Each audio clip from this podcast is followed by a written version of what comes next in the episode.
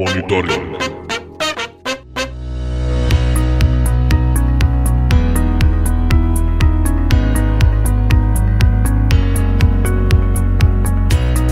Dobro večer svima, dobrodošli u još jedno izdanje emisije Monitoring na podcast kanalima portala istyler.net. E, verovatno se pitate gde smo u petak, e, danas je nedelja 13. jun. E pa da, obavestili smo mi vas e, mailom koji ste dobili u petak da ćemo emisiju odložiti za nedelju iz prostog razloga jer kao najavljena tema Worldwide DC u petak je još uvek trajao i hteli smo da, obzirom da govorimo o svemu tome šta smo videli, šta je to predstavljeno uh, na Worldwide DC-u, bilo nam je neophodno da se on i završi kako bismo kompletirali tu sliku, pa eto, to je glavni razlog zašto nas slušate uh, u nedelju, ali bez brige, već iduće nedelje se vraćamo na naš standardni termin emitovanja petkom u 19 časova. Moje ime je Marko i ostanite uz monitoring u narednih 30 minuta, govorimo o svemu šta smo imali prilike da vidimo na poslednjem WWDC-u, e, šta ćemo to videti do kraja godine, šta će nam to Apple doneti, e, koje su glavne novine i poruke sa ove konferencije saznate u narednih 30 minuta, jer govorimo o sledećem.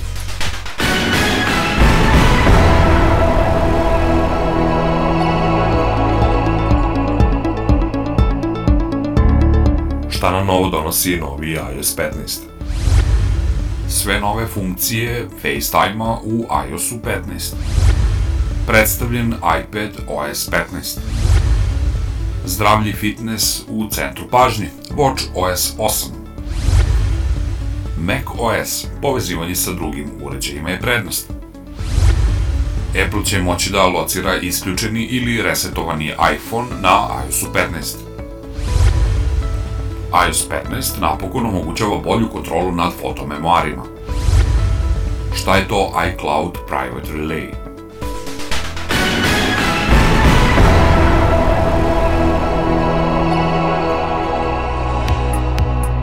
Monitoring.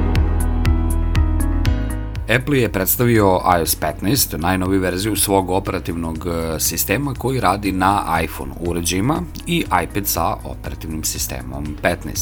iOS 15 je značajno ažuriranje koje uvodi mnoge važne funkcije, a mislili smo da čitavcima iStylera pružimo i prvi pogled na ovaj softver. Trenutno nije sve što je najavljeno i funkcionalno s tim što Apple planira da predstavi i doradi funkcije tokom perioda beta testiranja, ali postoji dosta promena koje možete videti odmah nakon instaliranja iOS-a 15. Postoje glavne ispravke za FaceTime i Messages sa novom SharePlay funkcijom za slušanje muzike i gledanje video zapisa sa prijateljima, kao i novi režim fokusa koji vam omogućava da se fokusirate na zadatak, bilo da je to posao, lično vreme ili nešto drugo mape su izmenjene sa ažuriranim dizajnom i više detalja u odabranim gradovima, plus podržavaju aerouputstva za hodanje po prvi put do sada. Fotografije sada mogu da čitaju pisani tekst i prevode ga u otkucani tekst, a aplikacija takođe može da identifikuje obeležja, biljke, kućne ljubimce i još mnogo toga. Nekoliko dodataka sada ima u notifikacijama kao što, na primer, ikone su veće, slike kontakta koji vam šalje poruku možete sada da vidite kada vam stigne notifikacija, a tu je i fokus. Fokus će vam dozvoliti da birate koje će vam notifikacije stizati u zavisnosti šta u tom trenutku radite. Ova podešavanja će se sinhronizovati generalno na svim uređajima, takođe postoji i opcija za grupno slanje određenih obaveštenja. Status korisnika Do Not Disturb sada će se prikazivati kontaktima u aplikaciji za razmenu poruka. Takođe, bit ćete u mogućnosti da beleške sa sastanaka fotografišete i pretvorite u tekst i da broj telefona sa reklame fotografišete i pozovete jednim dodirom ekrana. Live text je dobio dobar dodatak. Takođe, viđeni su i noviteti na mapama i aplikaciji vremenske prognoze. Razvojna verzija ovog operativnog sistema dostupna je za preuzimanje programerima odmah, dok će se rana beta verzija moći preuzeti do kraja ovog meseca. Zvanično lansiranje iOS 15 očekuje se na jesen, odmah nakon premijere novih iPhone 13 modela. Što se tiče novih funkcija u FaceTime-u, kada je iOS 15 bude javno dostupan na jesen, FaceTime će dobiti nekoliko novih funkcija, uključujući režim portreta, prostorni zvuk i mogućnost deljenja FaceTime veza sa onim koji ne posjeduju Apple uređaju, odnosno pristupaju FaceTime-u izvan Apple-ovog ekosistema. SharePlay funkcija koja omogućava korisnicima Apple-a da streaming sadržaj putem FaceTime poziva dele na iPadu, iPhoneu, Apple TV-u i Macu. Korisnici će moći da dele svoj omiljeni streaming sadržaj poput muzike, filmova i TV emisija sa drugim korisnicima omogućavajući im da uživaju u zajedničkom gledanju multimedijalnog sadržaja sa prijateljima i porodicom. Pored toga, korisnici će moći da dele sadržaj sa Apple TV Plusa i Apple Musica, kao i sadržaj sa Disney Plusa, HBO Maxa i mnogih drugih servisa. SharePlay posjeduje funkciju pametne ječine zvuka koja automatski podešava zvuk tako da vam omogućava da i dalje čujete učesnike tokom glasnih scena u filmovima ili delovima muzike. Kada deli audio ili video, svaki korisnik u SharePlay FaceTime pozivu ima pravo na pristup kontrolama. Korisnici mogu da pauziraju, premotaju ili prelaze na drugu scenu, a sama reprodukcija će se automatski sinhronizovati sa svim korisnicima. Korisnici takođe mogu da koriste Share Time za zajednički cast playlista, pri čemu svaka osoba može da dodaje pesme ili neki drugi sadržaj u deljenu listu sa svim korisnicima. SharePlay će omogućiti korisnicima da dele svoj ekran na FaceTime pozivima, uključujući web stranice, e, razne aplikacije i još mnogo toga. Ovo može biti posebno korisno za poslovne sastanke i rad na daljinu, omogućavajući svim učesnicima u pozivu da pogledaju isti dokument ili aplikaciju. SharePlay će takođe omogućiti korisnicima da se povežu putem poruka, omogućavajući svima da zajedno gledaju ili slušaju sadržaj, časkaju kroz tekstualne poruke ukoliko ne žele da glasovno razmene mišljenja. Nova funkcija prostornog zvuka pomaže da razgovori zvuče mnogo prirodnije nego sada. Zvuk će izgledati kao da dolazi direktno od osobe koja trenutno govori, prateći je, baš onako kako bi to izgledalo prilikom razgovora uživo u realnosti. Poboljšanje izolacije glasa pomoći će da se smanji pozadinska buka, dizajnirana da pomogne u smanjivanju pozadinskih šumova, poput vetra ili brbljanja u pozadini, što primaocu poziva može da oteža samo slušanje sagovornika. Novi audio režim Wide Spectrum dizajniran je da uhvati više zvuka, savršen je za muzičare ili oni koji žele da podele ambijent prostora u kojem se nalaze a Grid View omogućava korisnicima da vide ljude, odnosno sagovornike u svojoj grupi prilikom grupnih FaceTime poziva i to na pločicama iste veličine. Takođe, pločica u kojoj je slika osobe koja trenutno govori biće svetlosnim efektom označena, tako da bez puno dileme e, i vizualno možete saznati ko u datom momentu govori, što je veoma dobro u slučajevima kada je u razgovoru više osoba koja imaju sličnu boju glasa i eventualno govore u isto vreme. Mrežni prikaz istovremeno će moći da prikaže šest lica u mreži, odnosno šest sagovornika. Upozorenja o isključenom mikrofonu će biti aktivna, a po potrebi, ukoliko želite da govorite, potrebno je da samo dodirnete obaveštenje i možete nastaviti sa vašim razgovorom. Idealno kada nije neophodno da FaceTime učesnici u razgovoru čuju vaše privatne pozive, odnosno da čuju vaše privatne razgovore van ovog poziva, recimo ukoliko vas neko umeđu vremenu nešto pita, a ni učesnik FaceTime poziva, nije baš zgodno da vas čuju na poslu ili da vas čuje neko drugi s kim ste u FaceTime pozivu. Generalno nije ništa novo, ali korisno u Apple-ovom ekosistemu. Nova kontrola optičkog zooma za zadnju kameru omogućava vam zoomiranje po potrebi tokom FaceTime poziva, omogućavajući vam veću kontrolom prilikom slanja video zapisa. Portretni režim je nova funkcija koja će automatski zamutiti pozadinu u FaceTime poziva, stavljajući fokus direktno na vas. Isto tako kažem, ova opcija već dugo je prisutna u drugim aplikacijama, ali ovde generalno i nije stvar u nekim epohalnim rešenjima, nekim novim smišljenim stvarima, nego jednostavno Apple usavršava sve ono što nam je dostupno za korišćenje u okviru njegovog ekosistema.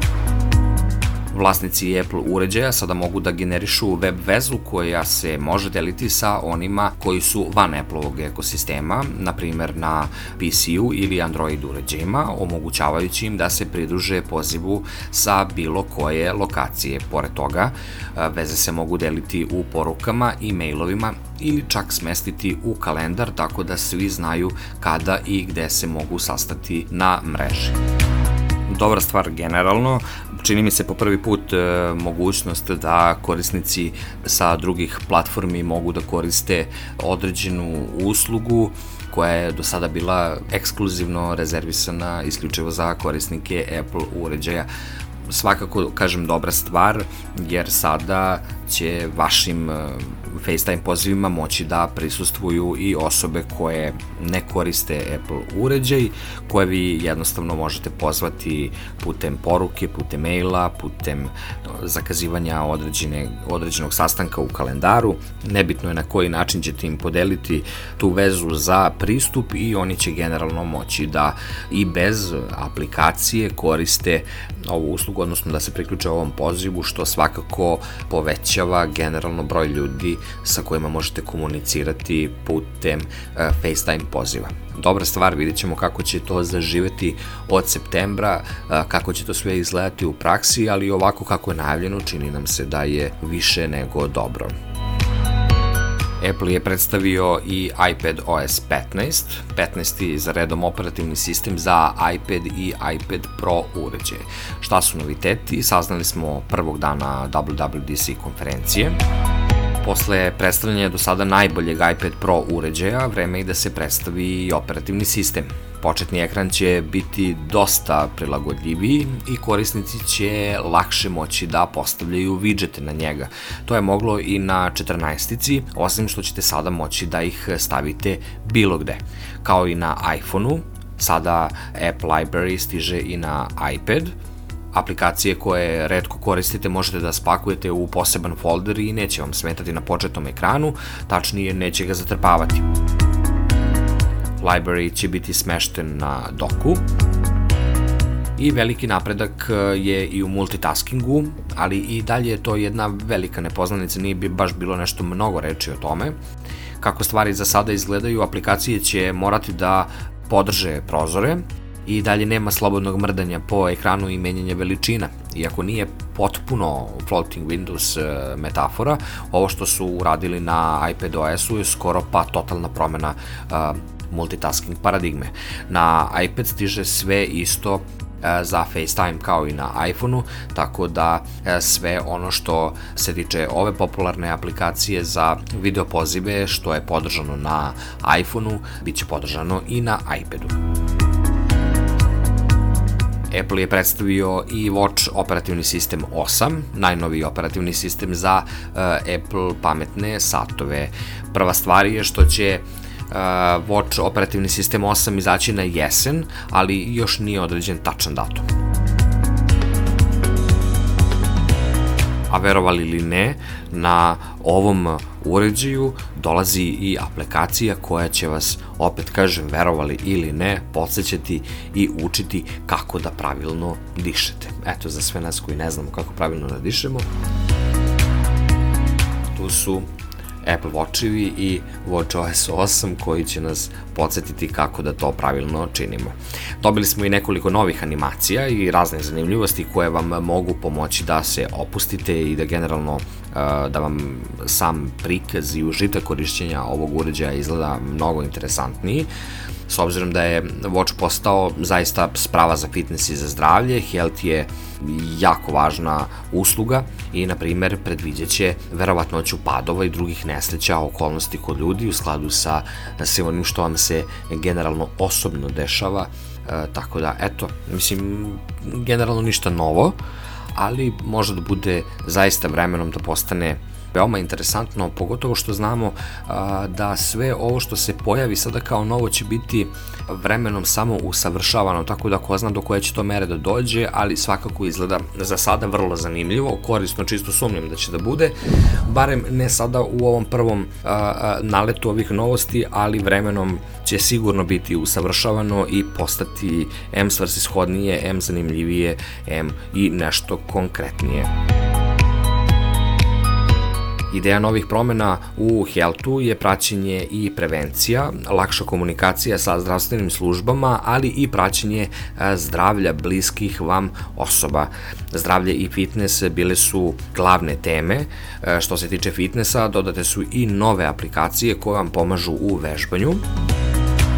Tako da svi vi koji volite Apple Watch imat ćete čemu da se radujete od jeseni, a i mi jedva čekamo iskreno da vidimo kako će to Apple Watch da predviđe gde ćemo da zapnemo i gde ćemo da padnemo.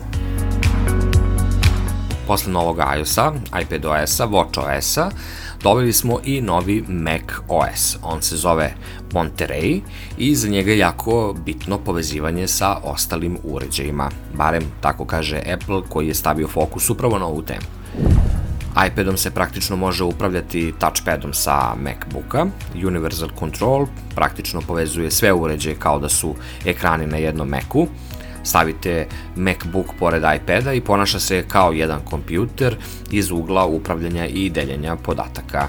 Apple plan je da se celokupna linija prebaci na prelagođenje čipove do kraja godine. Ovde smo dobili i novi Safari redizajn, sve se vrti oko tabova generalno, novih e, dizajn, novog dizajna, novih grupa, novog interfejsa za tabove i tako to, ali i ekstenzije na Safariju stižu kao i na iOS-u za sve kojima je e, bitna sigurnost i za sve one koji se plaše da će izgubiti, da će biti ukraden uh, uređaj koji pokreće iOS. Apple kaže da sa novim iOS 15 e, telefon zapravo nikad neće biti potpuno isključen, ostaje u stanju takozvanog slabog napajanja i ponaša se kao AirTag, omogućavajući bilo kom iOS uređaju u blizini da pokupi njegov Bluetooth signal i pošalje nazad lokaciju gde se taj telefon nalazi, odnosno da ga locira. To takođe znači da ukoliko vaš iPhone tokom dana se isprazni i dalje ćete imati priliku da pronađete njegovu lokaciju još nekoliko sati. Apple kaže da će praćenje lokacije nastaviti da funkcioniše i pošto se telefon vrati na fabrička podešavanja i sa omogućenim zaključavanjem. Apple obaveštava korisnike o ovom novom ponašanju dijalogom upozorenja kada se novo obnovljeni iOS 15 prvi put isprazni. Zanimljivo je da se dijalog upozorenja odnosi na ovu funkciju radi lakšeg pronalaska ukradenih uređaja. Apple se obično nije zalagao za korišćenje funkcije Find My Networka u borbi protiv krađe, Ako želite da se vaš iPhone stvarno isključi, možete da promenite podešavanje u okviru podešavanja samog uređaja i u potpunosti onemogućite svoj režim. interesantna stvar e, kada je u pitanju kada je u pitanju ova mogućnost. E, znači ovde vidimo da u slučaju da vam neko ukrade recimo telefon, ne daj Bože, i ugasi ga naravno prvo i nakon toga ga resetuje, ne znam, mislim šta sve može, šta generalno šta sve može da, da uradi sa njim, da ga resetuje na početne vrednosti, da totalno je, totalno je nebitno. Telefon će i dalje slati podatak o tome gde se nalazi i u aplikaciji Find My ćete moći da locirate gde se on nalazi, tako da a, generalno, ali šta se dešava, šta se dešava ukoliko se skine sa iCloud naloga? a verovatno će telefon bez obzira na kom se, na kom se cloud nalogu nalazi putem serijskog broja moći da odašilja signal vlasniku odnosno da bude vidljiv u aplikaciji Find My, sad malo razmišljam ja šta je sada, kako je sada to moguće generalno uopšte. Da, Apple će tu verovatno koristiti nešto što e, nije vezano za sam iCloud nalog koji je prijavljen na telefonu, e, već će prikazivati vlasniku u Find My aplikaciji koji možda pristupi preko iClouda, znači direktno u brauzeru ili putem drugog iPhone uređaja, on će njemu odašiljati e, njegov serijski broj telefona. Znači lokaciju njegovog serijskog broja telefona, što generalno nije loša stvar. Dobro, sad sam se malo zamislio, ali generalno, generalno, ne zato što nemam, nemam nameru da gradim telefone, ali, ovaj, da, dobra stvar, dobra stvar, mislim, pogodovo imajući u vidu naše podneblje i da su ovi telefoni zaista skupi i prosto je mm, ogromna ogromna šteta i ogromna panika nastane kada se desi da vam neko ukrade, ukrade iPhone, mislim, košta preko 1000 eura i onda stvarno je to vrlo problematično kada vam kada vam se to desi. Ne daj Bože, ali ukoliko se i desi, evo, znači, e, samo nek se desi od septembra. nek se desi od septembra. Ovaj, da bismo mogli to da, da bismo mogli to da pratimo. Mislim, ne daj Bože da pratimo. Ali ajmo dalje na drugu temu, ne sviđa mi se ovaj razgovor. Idemo na neke lepše teme od e, gubljenja i krađe iPhona. Sa dolaskom iOS 15 Apple uvodi detaljniju kontrolu nad ljudima i mestima koja se pojavljuju u vašim fotomemoarima, omogućavajući vam da detaljnije podesite ko se to slučajno pojavljuje u aplikaciji fotografije u widgetu fotomemoari već ste mogli da odaberete e, predložimanje uspomena poput ovog e, prilikom pregledanja memoara u odeljku za vas u vašim fotografijama ili da u potpunosti uklonite fotografiju iz predloga za fotografije, ali sada ćete moći i ređe da prikazujete određenu osobu. Ovo je jako dobro onima koji planiraju da se od jeseni venčavaju. Nisam o takvi.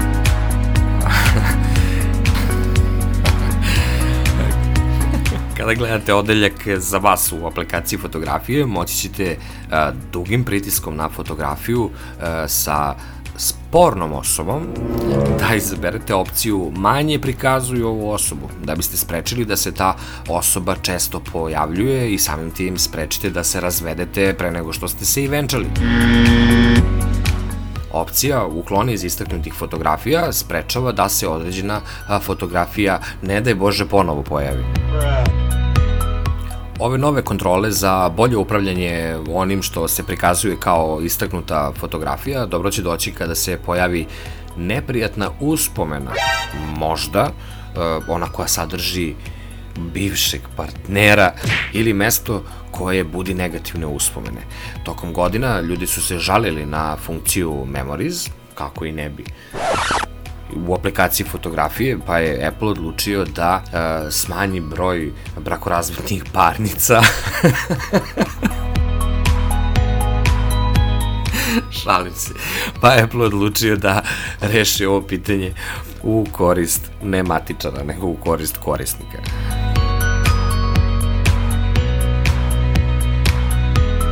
Prethodna opcija e, predloži e, manje memorija, odnosno manje memoara poput e, ove, koja je bila dostupna u iOS 14, za prezentaciju u memoarima preimenovana je, a u memoarima možete odabrati određene ljude, datume i mesta koja će se ređe prikazivati. Takođe je vredno napomenuti da u prezentacijama slajdova memoara koju Apple predlaže sada takođe možete dodirnuti dugme na traci sa alatkama da biste otvorili prikaz koji vam prikazuje sve fotografije odjednom. Sam dugi pritisak e, na njega omogućava da odaberete opciju sakri iz memoara i na taj način ceo taj skup e, fotografija koji sadrže te određene elemente bit će dodat kao skup elemenata za koji će se tražiti manje prikazivanje. Ove nove funkcije su dostupne u aplikaciji fotografije koja je trenutno u beta verziji na iOS 15 e, operativnom sistemu. E, biće beta testirana narednih nekoliko meseci, a e, zaživeće od izlaska iOS 15 u septembru nakon izlaska iPhone 13 mobilnih telefona a za sve one kojima je funkcionalnost iCloud Private Relaya bitna, za sve one kojima je privatnost jako bitna. U video snimku za programere na WWDC 2021 Apple je objasnio kakvu će zaštitu njegov iCloud Private Relay pružiti korisnicima, plus kako on to tačno radi na povećanju privatnosti. Iako je najavljen za WWDC uh, keynote, uh, Apple Private Relay je nova funkcija namenjena Apple korisnicima koji će sprečiti druge kompanije da određuju i prate navike pregledavanja internet saobraćaja. Neće biti dostupan u svim zemljama, ali za one u kojima jeste, Apple je proizveo sistem za koji tvrdi da će u velikoj meri zaštititi korisnike i da neće pri tome usporavati njihov internet. Kako kaže Tommy Pauli iz Apple-ove grupe Internet Technologies u novom videu za programere, citiram, kada neko pristupi internetu, bilo ko u njihovoj mreži, lokalnoj mreži može da vidi imena svih web lokacija kojima pristupa na osnovu pregleda DNS upita. Zatvoren citat.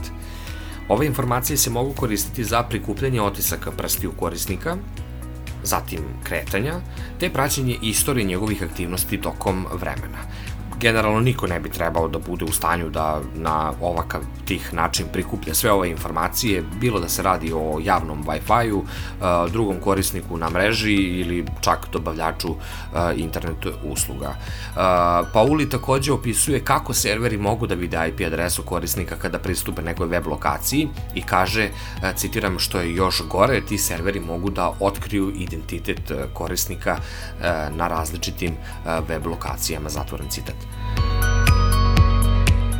To su veliki problemi za privatnost korisnika, kaže Pauli, i da bismo ih rešili, potreban nam je novi pristup koji ima privatnost ugrađenu u sam sistem i u sam dizajn sistema. iCloud Private Relay dodaje više sigurnih proksija koji pomažu usmeravanje korisničkog saobraćaja i održavaju ga privatnim. Kada uređaj pokuša da pristupi serveru, prvo postavlja mrežnu vezu sa ulaznim proksijem. Ova veza se podešava pomoću IP adrese koju je dodelio dobavljač usluge, zatim izlazni proksi prosleđuje ove zahteve odredi, odredišnim serverima odabirom IP adrese koja se preslikava na grad ili region uređaja. To za korisnike znači da Apple ne prati a, kojim web lokacijama vi pristupate, a ni kompanija izlaznog servera ni odredišna web lokacija ne mogu na bilo koji način da prate sam identitet. E sada pitanje, koji će web mrežni saobraćaj biti zaštićen pomoću iCloud Private Relay? Apple kaže da će se iCloud Private Relay primeniti na sve preglede web stranica unutar Safarija, sve DNS upite kada korisnici postavljaju nazive lokacija i za sav nesiguran HTTP eh, saobraćaj.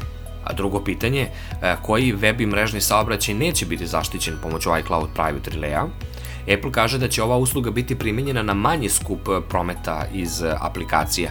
Međutim, takođe je naveo da više kategorije internet saobraćaja neće biti zaštićen iCloud Private Relayom, a oni su recimo lokalne mreže, to su upiti sa privatnih domena, saobraćaj koji se odvija kroz standardni VPN i internet saobraćaj pomoću proksija.